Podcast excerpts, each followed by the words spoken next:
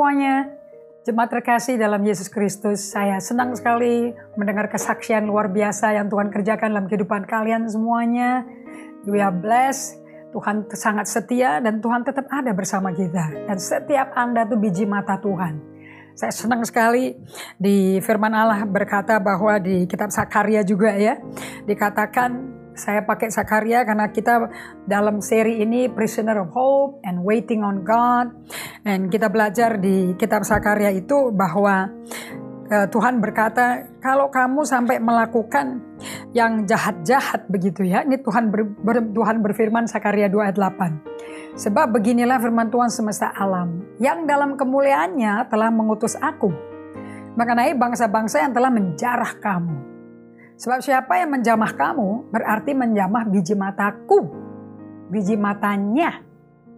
So, everybody is so special karena Anda masing-masing adalah biji mata Tuhan. So, kenapa kalau Tuhan pakai kata biji mata? Biji mata itu paling sensitif, right?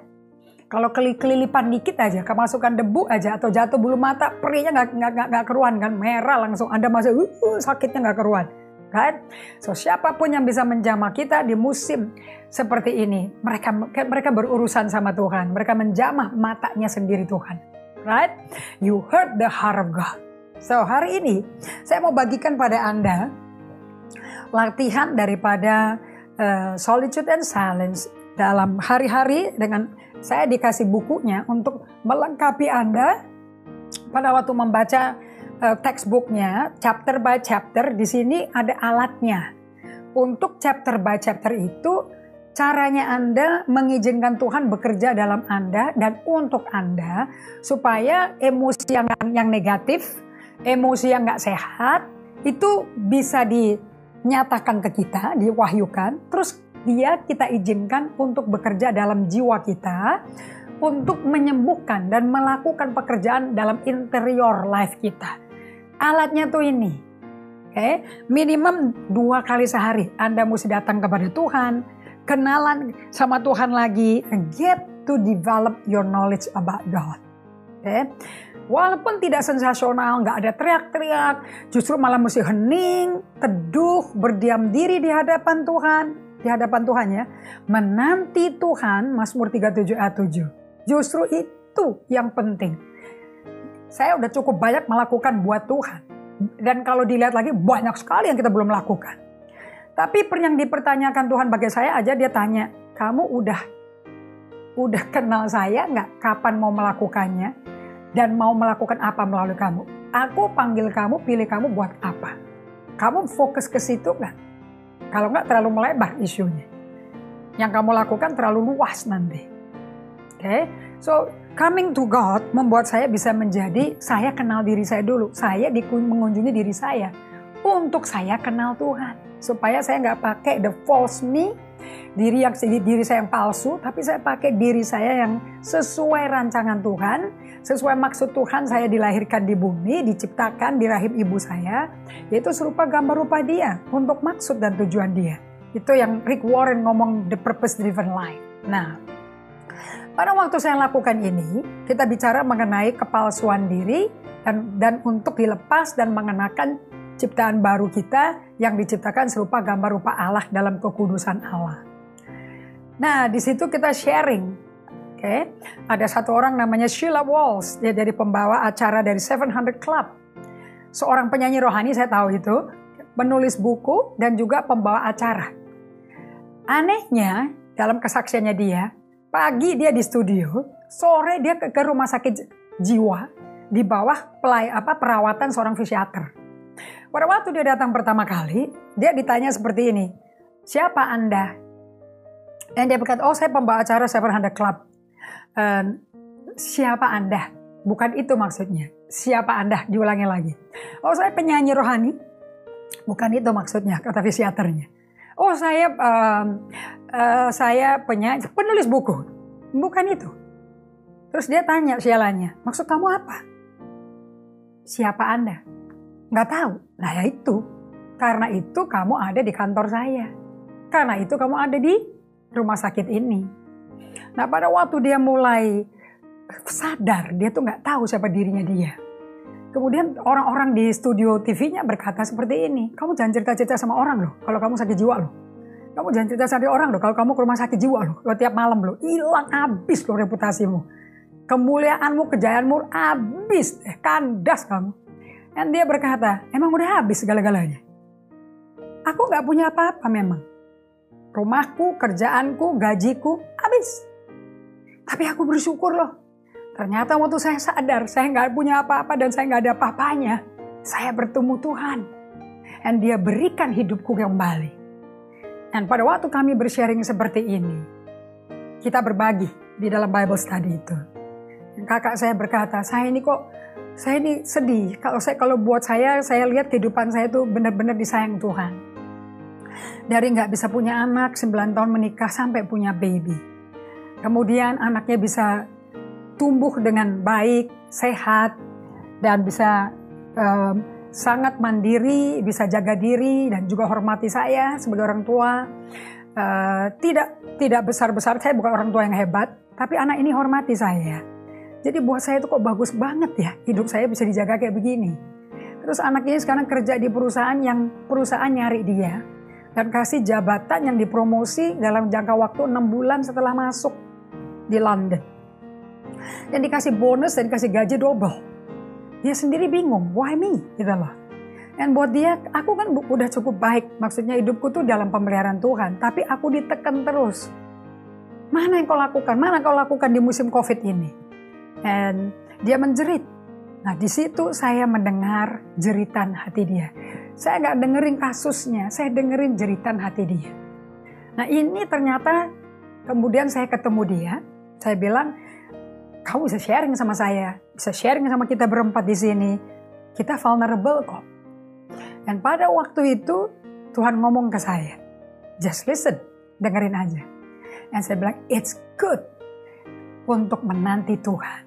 Nah, kamu lagi diuji. Kamu lagi nungguin Tuhan, nungguin apa? Mau berapa lama kamu nungguin? Kok nggak ada hasilnya apa-apa? Kalau percaya, mana ditantangnya seperti itu. Ya, banyak orang nggak ngerti, saya bilang pada kakak saya, Herman, bahwa menanti Tuhan itu tugas kita. Justru yang bikin kita melakukan perihal rohani kita, tugas rohani kita, yaitu menanti Tuhan. Because life is about waiting on God. Oke, okay? untuk kamu menjadi berubah seperti Kristus, that's the goal. Tapi dari sekarang kamu seperti ulat menjadi seperti Kristus. Itu kan kayak langit dan bumi, kayak ulat jadi kupu-kupu gitu loh. Wujud aja beda fisiknya penampilan beda. Nah, that's the purpose. That's your destiny. Sambil kamu sibuk melakukan ini, dengan disiplin melakukan tugas ini, do you know what? Saya diingatkan Matius 6 ayat 33. Kejar dulu kerajaan Allah dan kebenarannya. Maka semuanya yang orang-orang menekan kamu, minta bukti bahwa Tuhan Allah penyedia Allah El Shaddai, Allah Jehovah Jireh. Ada uang masuk, ada ke kebutuhan uang sekolah anakmu masuk, ada kebutuhan bayar listrik masuk, segala segala terutama uang lah, ya kan, ekonomi lah. Nanti Tuhan tambahkan. Bukan lipat gandakan, tambahin one by one by one. Kan kita kan hidup iman kita untuk sehari aja. Nggak disuruh untuk satu iman ini ya Januari kamu terima, nanti ini beres sampai sampai Desember. No, Our faith comes day by day. Problem sehari untuk hari itu. Iman satu hari untuk hari itu. So, saya bilang, kamu sampai melakukan solitude sama silent, ini saya sebut mini sahabat. Jadi gampang deh. Kita mesti punya sahabat kecil, sahabat mini, tiap hari. Kalau bisa bertambah 3, 4, 5 kali, bagus sekali. Karena Raja Daud tujuh kali sehari mini sahabat dengan Tuhan. Daud, uh, Daniel tiga kali sehari. Yeremia berkali-kali. Oke. Okay? Nah, di sini saya belajar bahwa pada waktu kamu solid itu datang ke Tuhan berada di hadirat dia. Mendekatlah pada Tuhan, maka dia, Yakobus 4 ayat 8, dia mendekat pada kamu. Oke, okay? draw nigh to him, he will draw nigh to you. And when you draw nigh to him, just be still, diam aja to receive, to listen, supaya suara angin sepoi-sepoi basah kedengaran. Karena di dalamnya ada instruksi. Dan saya sekarang dikasih impresi di hati saya untuk kasih ke kakak saya, Matius 6 ayat 33. kejar kerajaan Allah. Sesuatu yang perlu dikejar itu Tuhan minta ada kesungguhan. Sungguh-sungguh cari Tuhan. Karena kalau orang sungguh-sungguh cari Tuhan, Ibrani 11 ayat 6, kamu akan dapat upah. So, kita saya ingat kalau upah ini 12 putranya Yakub satu yang yang yang lambangnya itu upah adalah Isakar. Ini dikatakan bahwa tanpa iman nggak ada orang yang berkenan sama Tuhan. Dan orang yang berbalik kepada Allah harus percaya Allah ada. Dan orang yang sungguh-sungguh-sungguh cari Allah. Jadi memberi perhatian datang ke Tuhan ini butuh kesungguhan. Makanya namanya disiplin. Spiritual discipline. Kamu akan mendapat upah. Apa itu upahnya? Matius 6 ayat 33. Cari dulu kerajaan Allah. First prioritas, seek the kingdom and all its righteousness maka semuanya akan ditambahkan pada kamu. So hari ini saya saya duduk di meja makan sama dia dan dia share. Oke, okay, betapa hidupnya dia tuh memang dijaga Tuhan and he will learn dia lakukan tadi pagi dia share di Lukas 8 ayat 5 sampai 15 dia share bagaimana dia datang ke Tuhan menanti Tuhan. Dia dia latihan hanya untuk datang menanti Tuhan untuk berdiam dan tenang. Sampai jiwanya teduh. Dan dia rasakan bisa lepas jiwanya itu dari tertekan, ter, tertindas sampai sesak gitu, bisa lepas sekali tekanan itu. And dia bebas menangis. I know my brother need to be able to release a lot of tears. Ya, banyak bisa menangis. And dia lepas sekali dia berkata, dan Tuhan berkata kepada orang yang hatinya noble, itu hati tanah yang baik. Maka setiap benih yang kamu dengar dari aku, setiap firman yang kamu terima, itu akan berakar dan bertumbuh dan berbuah. Dan dia berkata, saya masih, saya saya percaya saya akan berbuah. Saya tidak ditinggal Tuhan karena dia hadir tadi. Walaupun usiaku sudah seperti ini, dia nggak tinggalin aku atau biarkan aku. Dia masih bicara sama aku. Aku bersyukur warisan ayah almarhum untuk dia dipelihara, dibantu adiknya. Dia bersyukur hari ini dia bisa duduk sama istri dan anaknya. Bahwa Tuhan kok ngomong, nanti biaya kuliah anaknya yang paling bungsu, yang tidak pernah direncanakan mereka berdua akan punya anak, padahal yang pertamanya nunggunya 9 tahun. Itu Tuhan sediakan.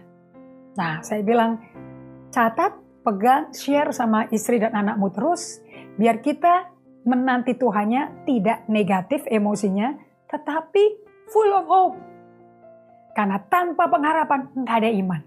Tanpa iman nggak ada pengharapan. Jadi tanpa pengharapan, tanpa Tuhan artinya. So keep the relationship with God sebagai prioritas. Kalau Anda perlu restorasi, selamatin hubungan. Nomor satu hubunganmu dengan Tuhan. Nanti efeknya ke hubunganmu dengan sesama. It will be healthy like He make you healthy pada saat Anda datang kepada Tuhan. Saya mau kuatkan Anda semua untuk memiliki uh, memang ini butuh Alkitab ini uh, didampingi beserta dengan buku-buku pelatihan prakteknya dari orang-orang yang sudah pakai. Ruth Haley Barton, saya ketemu bukunya dalam bahasa Inggris, Invitation to Retreat, Invitation to Solitude and Silence. Wah, fantastik. Akibatnya kita bisa hidup bersama saudara seiman, baik keluarga biologis maupun keluarga Tuhan, hidup bersama dalam Kristus. Dalam Kristus artinya in the presence of God. Nah kalau nggak pernah latihan tiap hari berada dalam hadirat Tuhan, susah untuk hidup dalam hadirat Tuhan.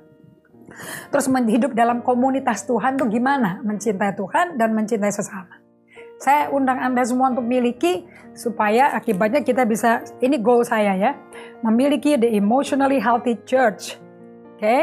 supaya murid Kristusnya emosinya sehat semua. Tapi mesti yang sehat pemimpinnya dulu baru akan turun ke jemaatnya. Dari bahasa Inggris saya berdoa pembelajaran saya untuk bisa menjadi pendengar bagi kakak saya yang sedang mengalami kecepit, tertekan karena dipertanyakan terus. Dan dia berubah menjadi lagi disiplin lagi, menjadi orang yang mau rendah hati, uh, mengosongkan diri dan datang ke Tuhan untuk diisi Tuhan dengan firman, instruksinya, hadiratnya. Tanpa Tuhan kita nggak kuat. Tapi dengan Tuhan, kita kenal Tuhan, kita akan tetap kuat dan melakukan tindakan yang mulia dari Tuhan. Dari Pastor Indri, Tuhan berkati, tetap kuat.